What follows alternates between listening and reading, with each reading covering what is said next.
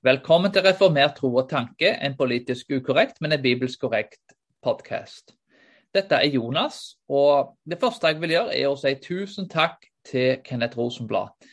Det var en flott serie om husholdningslære, og jeg er veldig takknemlig og glad at han tok seg tid til å dele sin visdom og kunnskap om dette viktige evnet. Jeg skal altså få lov til å ta den lette løftingen. Kenneth tok den tunge løftingen med, går grundig inn i denne læra og forklare oss hvordan ting hang sammen ut ifra kirkehistorien og Bibelen. Jeg skal altså få lov til å ta den siste og fjerde episoden, og der jeg da ikke skal snakke om eh, verken Bibelen eller kirkehistorien, men om husholdningslærens effekt på samfunnet. Det er sånn at det en tror har en påvirkning på måten vi tenker på, og måten vi oppfører oss på. Altså det, det, vi tror har praktiske konsekvenser. Enten det er bevisst eller ubevisst, det har lite å si. Men det står i ordspråkene sånn en mann tenker, sånn er han. Hvis vi ikke tenker rett, så vil vi heller ikke handle rett.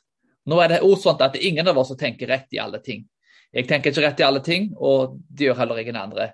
Så jeg påstår ikke her at jeg har forstått alt, og jeg tenker rett om disse tingene. Eh, det jeg derimot vil si, er at jeg tror ikke husholdningslæren eh, leder da til de rette konsekvensene i praksis. Til tross for at det er mange folk som er inkonsekvente og heldigvis lever veldig gode liv til tross for at de har denne læra. Men teologisk da ut ifra Bibelen så har vi jo sett da at denne læra er problematisk. Vi har sett at læra er problematisk i kirkehistorien. Og Jeg vil altså bare hoppe rett inn i dette med hvordan denne læra påvirker samfunnet. Husholdningslæren og dispensasjonismen har vært en sterk bidragsyter til at kristendommen mista Vesten. Det er mange grunner til at det er sånt. Mitt mål her er først og fremst å forklare effekten av husholdningslæren. Jeg tar utgangspunkt i det som kalles klassisk husholdningslære, eller klassisk dispensasjonalisme. Og Det er veldig mange ulike deler, ulike grader av dette. her, og Dermed vil ikke disse generaliseringene som jeg kommer med, være med å beskrive alle folkene. Men allikevel så mener jeg at det er ganske treffende, hvis en går ut ifra de folkene som da står for denne læra. Eh, for å oppsummere husholdningslæren, ok, jeg mener med dette, så er det noen flere ting som jeg vil påpeke. Det er fire ting som kanskje er det mest sentrale. Det første er at dispensasjonalismen har et sterkt skille mellom Israel og kirka. Det fins ikke kontinuitet altså mellom det gamle og det nye testamentet, men de blir oppdelt i ulike husholdninger. Disse kalles da for dispensasjoner. Nummer to, dispensasjonalismen vektlegger bokstavelige tolkninger Nummer tre, der er fokus på Guds ære, det å tilbe Gud rett, istedenfor hvordan frelsen påvirker verden og Guds vilje for oss i møte med verden og medmennesker. Nummer fire, dispensasjonalisme mener at Jesus kommer før tusenårsriket, at kristne vil bli opprykt før den syvårige trengselsperioden kommer. Kristne slipper altså da å gå gjennom forfølgelse i endetiden. Det har vært vanlig å dele opp husholdningslæren da, i sju ulike husholdninger. Uskyldighet er den første. Det er første Mosebok kapittel 1-3. Samvittighet, første Mosebok 3-8. Eh, sivile myndigheter, første Mosebok 9-11. Løfte Abraham til Moses, altså første Mosebok kapittel 12 til andre Mosebok kapittel 19. Loven, andre Mosebok til Apostelens gjerninger kapittel 2 vers 4 nåden, Apostelens gjerninger 2-4 til Apostelens gjerninger 23. Og tusenårsriket, da, Apostelens gjerninger 24-6, handler da om at Jesus skal komme igjen og styre for andre gang. I husholdningslæren er disse husholdningene da Alt blir lest i lys av disse husholdningene. Dette er svært sentralt i måten Bibelen blir forstått på. Denne inndelingen betyr da at frelsen da er tilgjengelig på ulike måter i de ulike husholdningene. Det kommer litt an på da, hvilken husholdning du er i, med tanke på hva, frelse, hva måte Gud frelser på i den husholdningen. Dette står i kontrast da, til kontinuitetsteologi. Nå kaller dette for eh, sorry, erstatningsteologi. Jeg syns det er et veldig dårlig navn med tanke på at jeg tenker at det er kontinuitet mellom Det gamle og Det nye testamentet. Og at det er ikke en erstatning i den forstand. Denne teologien vil se kontinuitet gjennom hele Bibelen, der Gud frelser gjennom nåde i både Det gamle og Det nye testamentet. At det finnes da en pakt for både jøder og kristne i dag. I Det gamle testamentet da, var det en pakt for jødene, men, men, det var en pakt som også skulle bli for oss som, som da er hedninger, altså ikke etniske jøder. Eh, dermed da, så er det én pakt i dag med inn på ett tre, som, som Kenneth Rosenblad gikk inn på. Ikke to trær, men ett tre. Der er altså alle er ett i Kristus, uavhengig om de er jøde eller greker. Eh, litt om opphavsmannen til husholdningslæren er den engelske og anglikanske presten John Nelson Darby. Eh, han levde fra år 1800 til 1882 og var fra Irland. Han slutta seg til en opposisjonsopprørsgruppe da, som kalles da mot brødrene, der Darby etter hvert ble en veldig sentral lærer. Darby ble overbevist om at Gud hadde to folk, to frelseshusholdninger, altså Det gamle og Det nye testamentet hovedsakelig, i tillegg da til de måten de sju husholdningene er delt opp på. Eh, den observasjonen er viktig om vi skal forstå endetiden, da, mente Darby. Og Denne læreren ble forkynt ivrig på 1900-tallet og fikk en veldig spesiell utbredelse i Amerika. Læren ble popularisert av Cyrus L. Schofield gjennom Schofield Reference Bible, som er en veldig kjent bibel som kanskje noen kjenner til, men som ble mye brukt i, eh, i, uh, altså i, altså i Amerika, da, og faktisk også i Norge. Da. Jeg hadde den bibelen faktisk selv i, i en ganske ung alder. Så Hvis du leser engelske bibler, så har det vært den vanlige bibelen blitt brukt. da. Men det er jo ikke alle som leser engelske bibler, så det blir en annen ting. Men i det 20. århundre ble denne læreren dominerende i evangeliske kirker i Amerika. Og Han fikk òg en stor innflytelse i Skandinavia og Norge. da. I dag så er det altså Charles Reiri. da. Darby han lever jo ikke lenger, han døde for ganske mange år siden. Men Charles Reiri da, er den mest kjente representanten for denne læra. Jeg skal altså ikke gå inn på å forklare hvorfor jeg da mener at denne læra er feil. Det har Kenneth Rosenberg allerede gjort, så jeg skal ikke repetere de tingene. Jeg vil derimot anbefale folk å lese tre forskjellige ting. Det første er John Gerstner, 'Wrongly Dividing the Word of God', som er kanskje den mest grundige gjennomgangen av denne læra som du finner på engelsk. Eh, den andre boken er 'Understanding Dispensationalism' av Vern Poitres. Det er en veldig en lettere bok. Veldig forståelige og lettleste. Eh, men begge disse bøkene blir anbefalt etter hva, hva tyngde du vil ha. Om du vil ha en tung eller lett bok. Uh, min bok handler i stor grad om effekten av husholdningslære på samfunnet. Eh, dermed da, så går ikke min bok så mye gjennom det teologiske. Jeg har derimot en i, i boken min da, hvordan kristendommen mistet Vesten, og hvordan vi kan få en ny bibelsk reformasjon. Så går jeg inn på denne læra som en av årsakene, en av mange årsaker, mange punkter, til at kristendommen mista Vesten. Hvis du ikke vil kjøpe den boken, så, så kan du sende meg en e-mail, og så kan jeg sende deg en PDF-fil av det kapitlet som har med husholdningslære å gjøre. Så Du trenger ikke kjøpe den boken. Du kan få eh, kanskje ett av to kapitlene gratis. Det som er relevant. Du kan få flere av de gratis òg, men eh, hvis du ikke vil lese hele, så kan du ta ut de kapitlene. Så bare send meg en e-mail, og så jonasstavagmail.com, og så skal jeg sende de kapitlene til deg. Før jeg legger fram litt av det jeg skal si da, i forhold da, til effekten på samfunnet, så vil jeg si at jeg holdt til dispensasjonslæren i mange år som kristen, i likhet med Kenneth Rosenblad. Jeg underviste også denne læra, spesielt dette med endetiden når jeg jobba i Taiwan. Og jeg har altså i løpet av årene blitt overbevist ut ifra å studere Bibelen og, og, mange andre ting, at jeg da har tatt feil.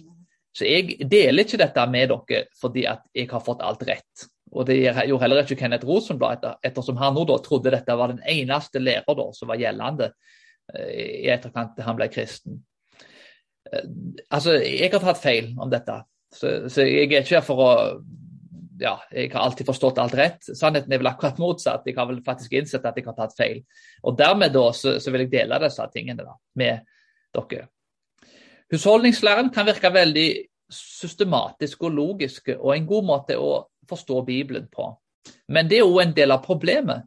Husholdningslære og det, dispensasjonistiske systemet blir lest inn i Bibelen, istedenfor at Bibelen selv blir tolka ut ifra det teksten faktisk sier.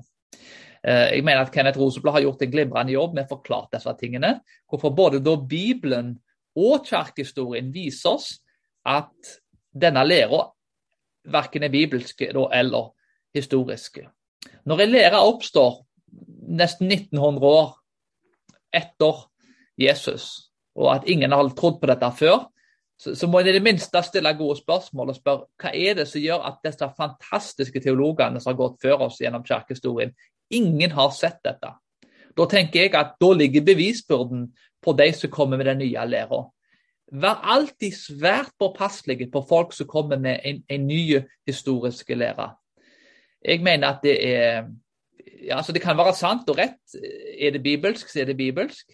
Men det er noe svært forunderlig, syns jeg, at i nesten 2000 år at ingen skulle ha sett dette før. Og De som levde før oss, var mer gudelige enn oss, og de var bedre teologer enn oss. Og Det er noe forunderlig med, med, å tro at, at, alle har tatt feil om en ting. Og Da tenker jeg det minste, da bør en forvente en fantastisk argumentasjon som viser da hvorfor alle har misforstått dette før. Personlig så har ikke jeg sett denne typen argumentasjon, og dermed så er jeg ikke overbevist om at denne lærer da stemmer. Jeg skal ikke gå inn på sagt, bibeltekstene, for det har jo allerede blitt gjort. Men jeg vil snakke litt om virkningen av husholdningslære på samfunnet.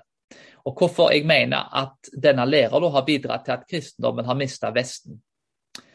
Og Det som skiller da husholdningslæren mellom, eh, altså fra andre lærer, er at det er et skille mellom det åndelige, det himmelske, og det fysiske, det verdslige.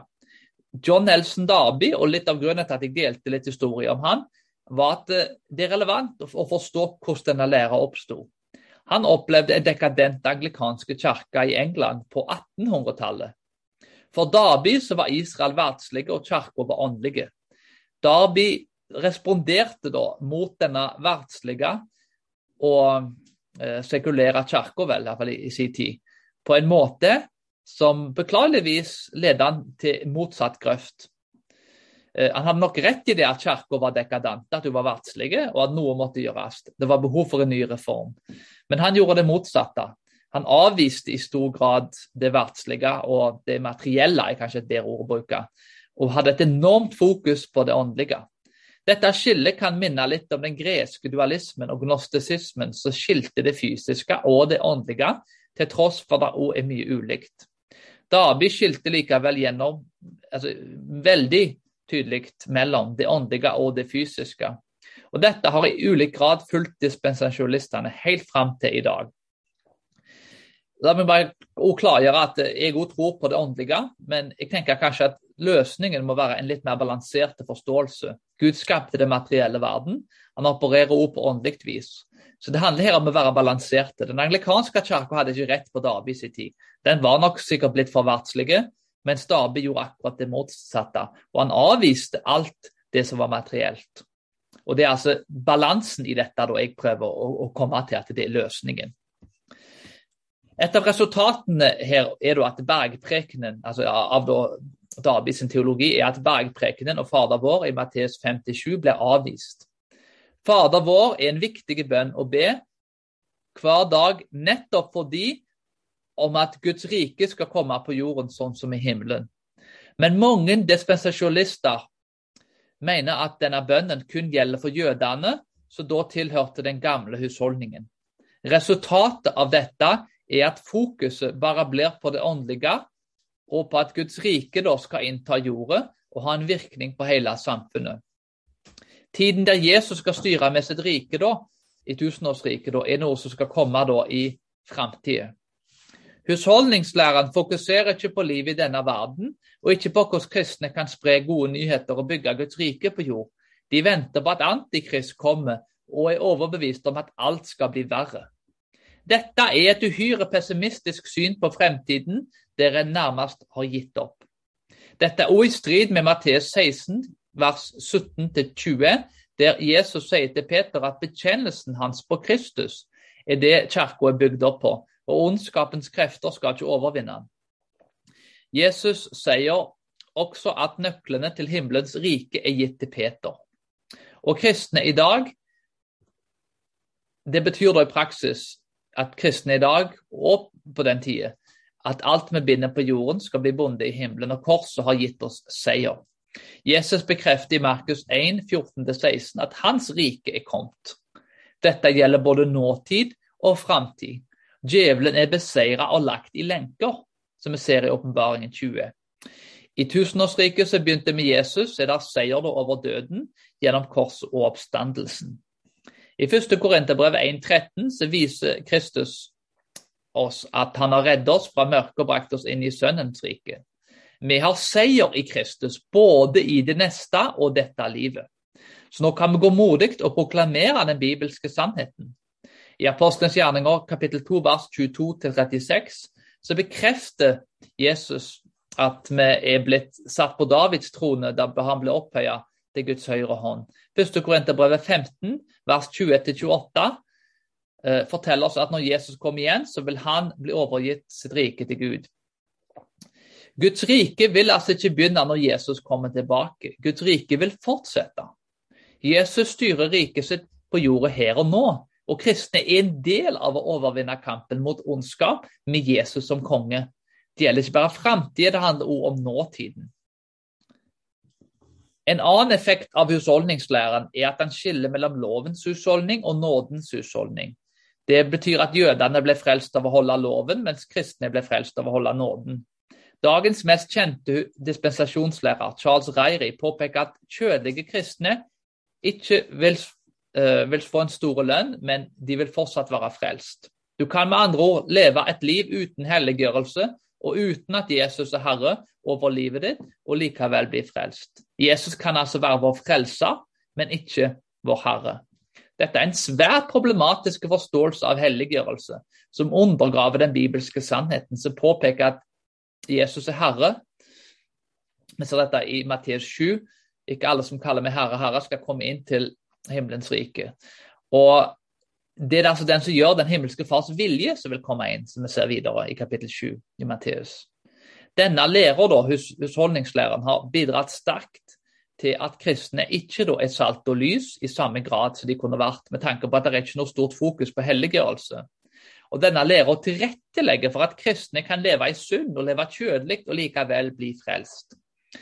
Det har hatt en negativ effekt på kirka, og det har ikke vektlagt de bibelske lovene som er positive og gode da, for å bygge et bedre samfunn. Når en hører om loven, så tenker en uff, nå er det blitt loviske. Og Sannheten er faktisk at akkurat det motsatte er tilfellet. Min forståelse av loven er den klassiske reformasjonsforståelsen, og spesielt den da, som finnes i reformert tradisjon. Nummer én, loven viser, viser oss at vi er syndere, og at vi trenger Guds fulle nåde for frelse. Nummer to, loven stopper utbredelse av synd og umoral i samfunnet gjennom politi og statsvesen. Nummer tre, loven er med å helliggjøre oss idet han hjelper oss å bli mer lik Kristus. Altså, Vi følger loven ikke for å bli frelst. Vi blir ikke hellige fordi vi blir frelst av det, men fordi vi allerede er frelst. Dette er ikke lovisk, det er faktisk akkurat det motsatte. Det er å vise frukter av at vi har mottatt Guds nåde. Alle disse tre delene her som jeg har gått gjennom, er positive bidrag som Guds lov har. Men med dispensasjonslæren så blir lovens bidrag ikke vektlagt, for når vi nå lever i nådens husholdning. Denne læra gjør at Guds lov får mindre påvirkning på samfunnet, i tillegg til at vi mister den forståelsen loven har, og hjelper oss å forstå frelsen. Forkynnelse om lov og evangelium viser oss at loven fordømmer oss, men evangeliet frelser. Vi har altså et ansvar å gå ut og leve ut det hellige livet som Gud kaller oss til. Vi har allerede også sett at tidligere i kapitlet dispensasjonslæren har også bidratt til antiintellektuelle holdninger, ettersom ånden da ble viktigere da enn fornuften. Det er stort fokus da på det åndelige, og mindre da på det materielle. Og dette påvirker også faktisk måten en forstår fornuften på.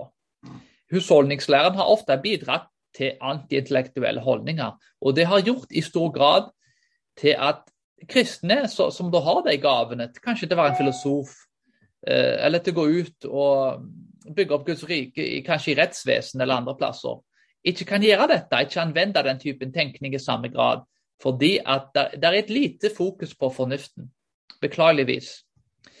Eh, og Dermed da, så, så er en ikke salt og lys inn på de ulike samfunnsområdene på samme måten som en ellers kunne vært. Ja, jeg generaliserer nå, kanskje litt sterkt, men igjen, det er en unntak for disse tingene. Det er heldigvis folk som, som ikke er sånn, som holder det til denne læra. Men læra i seg selv har produsert mye av disse tingene. Så en må ha lov til å generalisere da, og i visshet å vite om at det er folk som ikke passer denne beskrivelsen. Om en legger til et sterkt pessimistisk fokus på antikrist, så er det en liten grunn for kristne til å involvere seg i samfunnet for å påvirke lovverket, universitetene og tenke bibelsk rundt samfunnsområder. Det er svært viktig å huske på at dette ikke handler om frelsen, da, som er primært, men om fruktene eller virkningen av frelsen, da, som blir en sekundær ting. La meg bare klargjøre at å tilbe Gud og forkynne evangeliet er det som er mest sentralt. Det, som er sekundært, da blir jo da å leve ut dette i praksis. Ta det med oss ut i samfunnet, elske vår neste som oss sjøl. Vi er altså kalt både til å elske Gud og elske vår neste som oss sjøl. 60% av budene, altså seks av ti bud, handler om nestkjærlighet, mens fire av ti bud handler om å elske Gud. Gud bryr seg om hva vi gjør i det praktiske livet. Dispensasjonslæren har bidratt sterkt til at kristne har trukket seg ut av verden, og at det blir et veldig fokus på kun å frelse sjeler. Ja, vi må frelse sjeler, men vi må ikke bare frelse sjeler. Og det å frelse sjeler er ekstra knytta til vårt sosiale vitnesbyrd. Som kristne er vår oppgave igjen å forkynne evangeliet, at folk blir frelst, men ord å bygge nasjoner grunnlagt på en bibelsk virkelighetsforståelse. Historisk har dispensasjonslæren fokusert på kirkens frafall, sivilisasjonens ødeleggelse og at kristne må trekke seg ut av ugudelige institusjoner. Dispensasjonslæren har tradisjonelt fokusert på å holde folk borte fra synd og være frie fra synd i denne verden. De har også fokusert enormt mye på det overnaturlige. Satan står bak all naturlig og menneskelig ondskap, sier de ofte. Det er ofte fokus på verdens farer, fromhet, evangelisering og endetiden.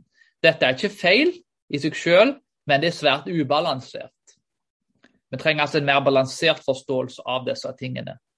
Alt dette har vært med bidrag til at dispensasjonslæren har gjort at kristne har trukket seg ut av verden for å vente på dens undergang. Den kjente engelske bibellæreren David Parson påpekte at dispensasjonister gjennom kirkehistorien har gjort svært lite for å involvere seg i samfunnet.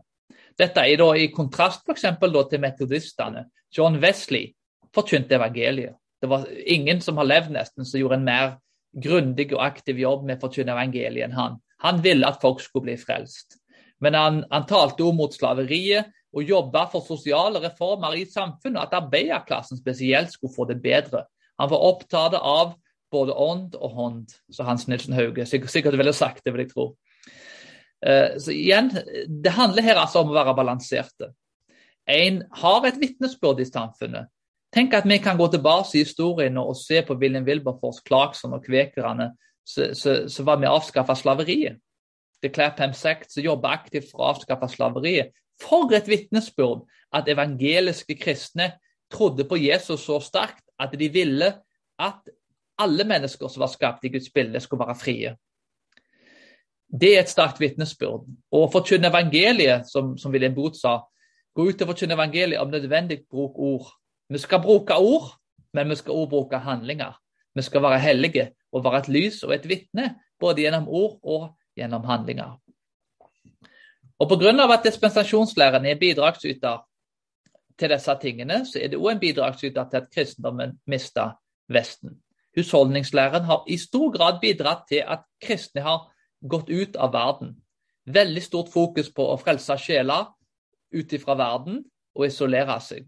Det blir mer en munketilværelse og ikke en aktiv tilværelse der en har tro på at Jesus har overvunnet synden og ondskapen i verden.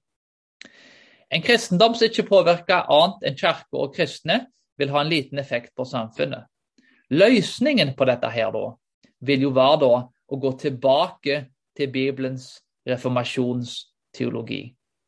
Dette vil da gi grunnlag for at Kirka både kan forkynne evangeliet til frelse og elske Gud, og at en vil at andre skal bli brakt inn i et forhold til at de òg kan elske Gud. Men at en òg går ut og elsker Gud på den måten vi bygger bygge nasjoner som er bygd opp på en kristen virkelighetsforståelse. Men før dispensasjonslæren og husholdningslæren blir avvist og erstatta av en bibelsk teologi, så er det veldig vanskelig å se hvordan dette problemet kan bli løst. Det er beklageligvis sånn at i dag så, er det ikke tilfeldig at Vesten er blitt sånn som den er blitt. Det er ikke tilfeldig i dag at Norge altså, er, er nå gjennomsyra av ideologier som er antikristelige. De er an, altså, fiendtlig innstilt mot kristendommen, og kristne i Norge er i dag i ferd med å miste friheten sin. Der er folk som har jobba aktivt med å overta institusjonene, mens kristne har jobba aktivt for å komme seg ut av institusjonene. Verden er en syndig plass, det er en ond plass. Men når vi ber Fader vår, så ber vi at Guds rike skal komme på jorden, så som i himmelen. Vi har et ansvar til å være med og være salt og lys i denne verden. Vi har fått en misjonsbefaling.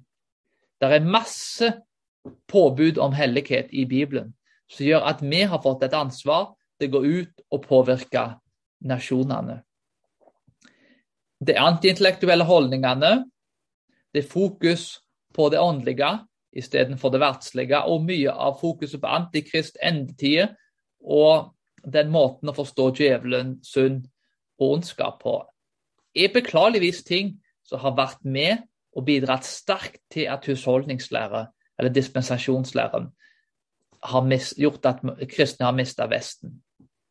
Vi kan vinne denne kampen, vi kan snu dette. Men først må en gå inn i Bibelen og spørre seg sjøl er dette ei bibelske lære. Les gjennom hele Bibelen og de versene som Rosenblad tok deg gjennom, og spør deg sjøl er dette bibelsk. Gå inn i kirkehistorien og sjekk.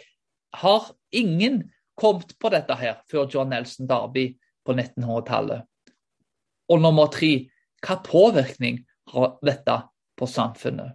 Og Hvis svarene på alle de tre spørsmålene er nei, så er det kanskje på tide å erstatte denne læra med en lære som da er mer bibelske.